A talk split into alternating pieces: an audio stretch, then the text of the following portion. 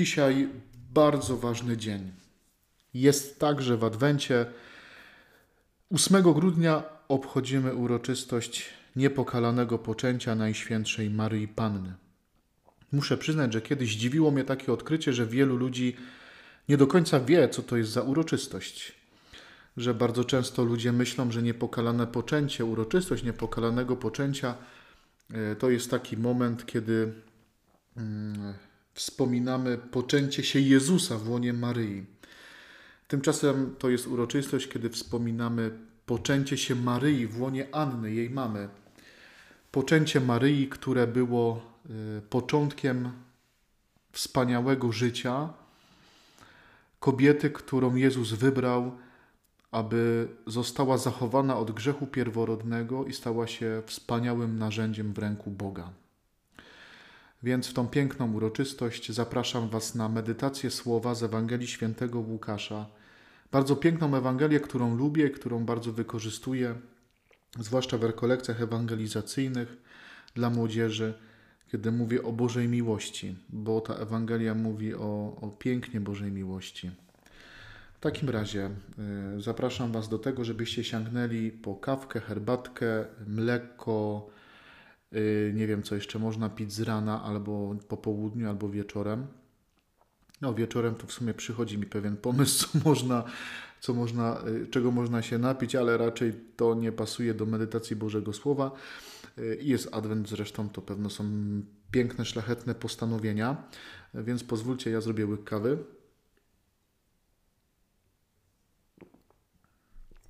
I zapraszam Was do tego, żebyśmy zatrzymali się na chwilę i posłuchali Pana.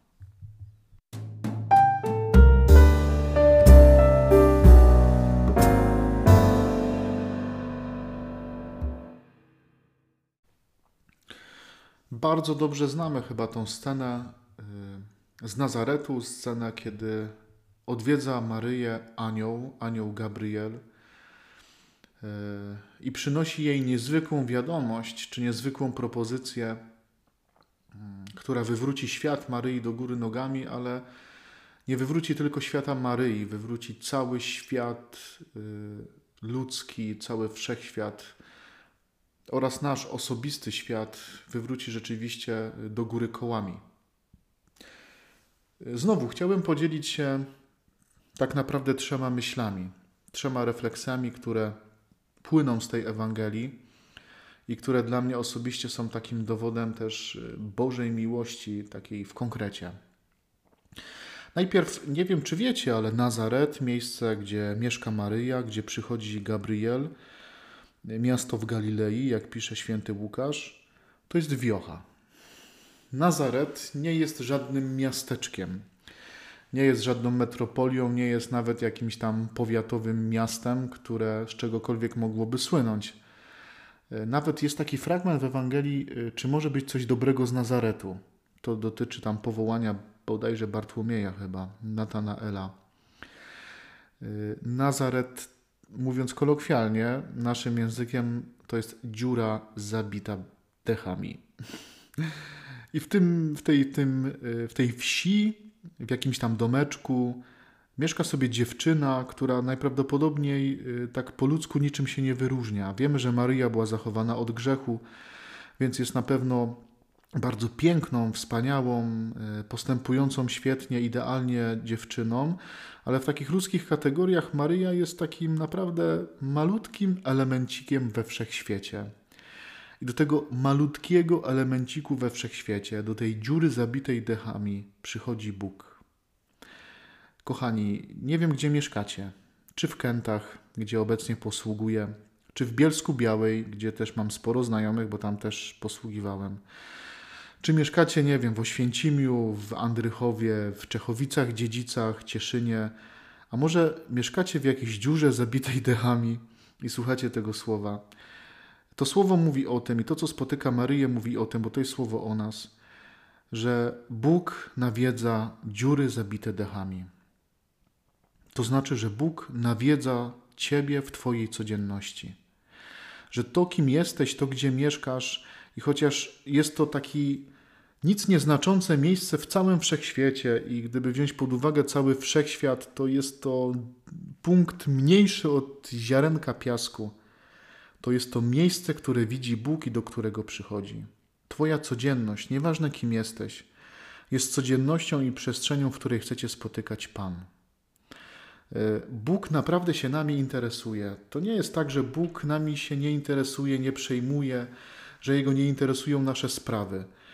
E, my po ludzku tak możemy myśleć, bo często też doświadczamy jako ludzie mm, takiego braku zainteresowania i to od dziecka. Że czasami przychodzi chłopak kilkunastoletni, nastolatek i przychodzi do swoich rodziców i mówi: Słuchajcie, kochani, mamo, wygrały, wygraliśmy dzisiaj 3-0, nie? I mama mówi, eee, co ty gadasz w ogóle, w ogóle nie rozumiem tego sportu, ganiacie za tą piłką szmacianą i kopiecie do bramki i uważacie, że to sport i, i w ogóle daj spokój, w ogóle się weź do nauki, o. Albo żona przychodzi do męża i mówi, kochanie, kupiłam sobie eleganckie, fajne buciki koloru y, zgniła zieleń, na które polowałam już od pół roku, a mąż mówi, ale ty masz 10 par innych zielonych butów, a ty jesteś obrażona, bo ty masz zgniłej zieleni jeszcze nie miałaś. E, czujemy się jakby mm, czasami odrzuceni przez to, że kogoś nie interesuje to, co dla nas jest ważne. I to są drobnostki jasne, ale życie składa się z drobnostek i Bóg o tym wie. I mam wrażenie, że kiedy Bóg odwiedza nas, to mówi: Słuchaj, 3-0 wygraliście. To jest niesamowite. Ja gratuluję Ci. W ogóle to był fascynujący mecz. I w ogóle fajne masz te trzewiki, zgniła zieleń, to dzisiaj jest w ogóle w modzie piękne kolory. Będzie się świetnie komponował z Twoim płaszczem o kolorze szarym. E, I wtedy jakby chciałoby się wyrwać z serca takie, takie zdanie, Jezu, naprawdę? Naprawdę Cię interesuje nasz mecz, to, że wygraliśmy 3-0? Naprawdę Cię interesuje to, że wielką radość sprawiły mi trzewiki w kolorze zgniła zieleń? Ja mam wrażenie, że Jezus mówi tak, interesuje mnie to, bo to jest Twoje. Interesuje mnie Twój Nazaret, interesuje mnie Twoje miejsce, w którym żyjesz. Ta Ewangelia mówi o tym, że Bóg naprawdę interesuje się naszym życiem i nie jest mu ono obojętne. Druga myśl. Zobaczcie, że anioł Gabriel jest zwiastunem z nieba, który przychodzi z bardzo, bardzo konkretną misją. Nie bój się, Maryjo, znalazłaś bowiem łaskę u Boga, oto poczniesz i porodzisz syna. Yy, Piękne zdanie, które kiedyś usłyszałem. Dzień Twoich narodzin to jest dzień, w którym Bóg zdecydował, że ten świat nie może istnieć bez Ciebie. Bóg Cię potrzebuje. Bóg potrzebował Maryi, prostej, dwunastoletniej dziewczyny. Kogoś, kto w perspektywie świata wydawał się być drobną istotą, która miała całe swoje życie przed sobą.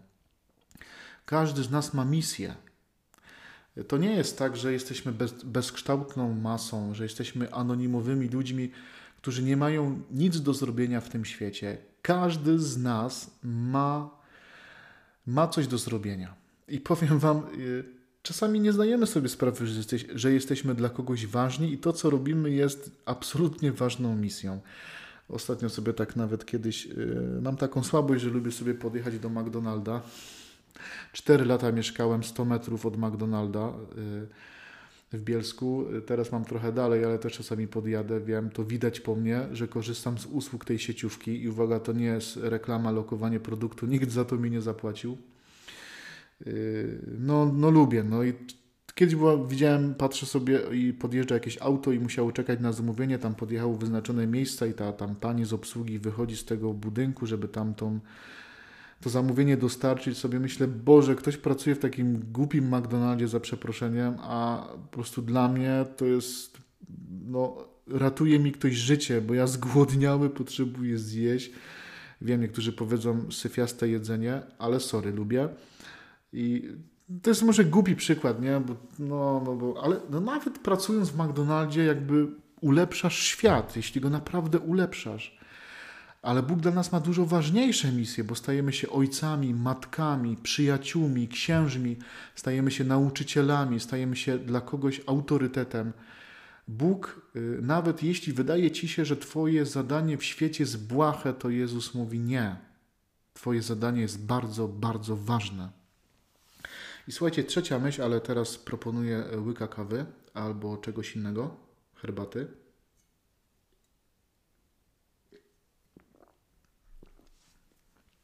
Trzecia myśl tej Ewangelii jest taka, że to nie jest tak, że Bóg przychodzi z misją i zostawia z tym Maryję. Bo Maryja y, ma no, takie myśli, na początku mówi, no jakże się to stanie, skoro nie znam męża, nie? Jak mam być w ciąży, skoro jakby jeszcze nie byłam z mężczyzną? I y, anioł jej tłumaczy, Duch Święty stąpi na ciebie, moc Najwyższego okryje cię cieniem i kwituje to słowami dla Boga, bowiem nie ma nic niemożliwego. I Maryja wtedy się zgadza na tą niesamowitą propozycję. Ważna myśl, jeśli Bóg cię do czegoś wzywa, to On ci pobłogosławi w tej misji. Bóg nie zostawia nas samymi. To nie jest jak w firmie. Przychodzi szef i mówi: Do jutra ma być zrobione to i to. I my musimy główkować, żeby się wyrobić w terminie. I musimy próbować, szukamy miliona sposobów, żeby dać sobie radę. Nie, Bóg tak nie działa. Bóg przychodzi do ciebie z misją, ale zrobi wszystko i wyposaży cię we wszystkie potrzebne narzędzia, abyś dał sobie radę. Dała sobie radę. Popatrzcie tak na swoje życie, w, ten, w tą uroczystość niepokalanego poczęcia. Siedząc wygodnie w fotelu i przeżywając kolejny dzień Adwentu, pomyślmy sobie, że nasza codzienność, nasza, nasza szara codzienność jest miejscem i przestrzenią jak Nazaret, miejscem, które Bóg widzi, dostrzega i które dla Niego jest ważne, że nasze życie jest dla Niego ważne. I że Bóg nas nie zostawia bez y, zadania, bez misji, powołuje nas. Czasami te najprostsze rzeczy, które robimy, zbawiają wraz z Jezusem świat i w końcu Bóg nas wyposaża we wszystko, co jest nam potrzebne, abyśmy dla tego świata stali się potrzebni. Piękna uroczystość, piękny dzień, wtorek. Życzę Wam dobrego dnia, dobrego czasu, dobrego adwentu. Do usłyszenia z Bogiem.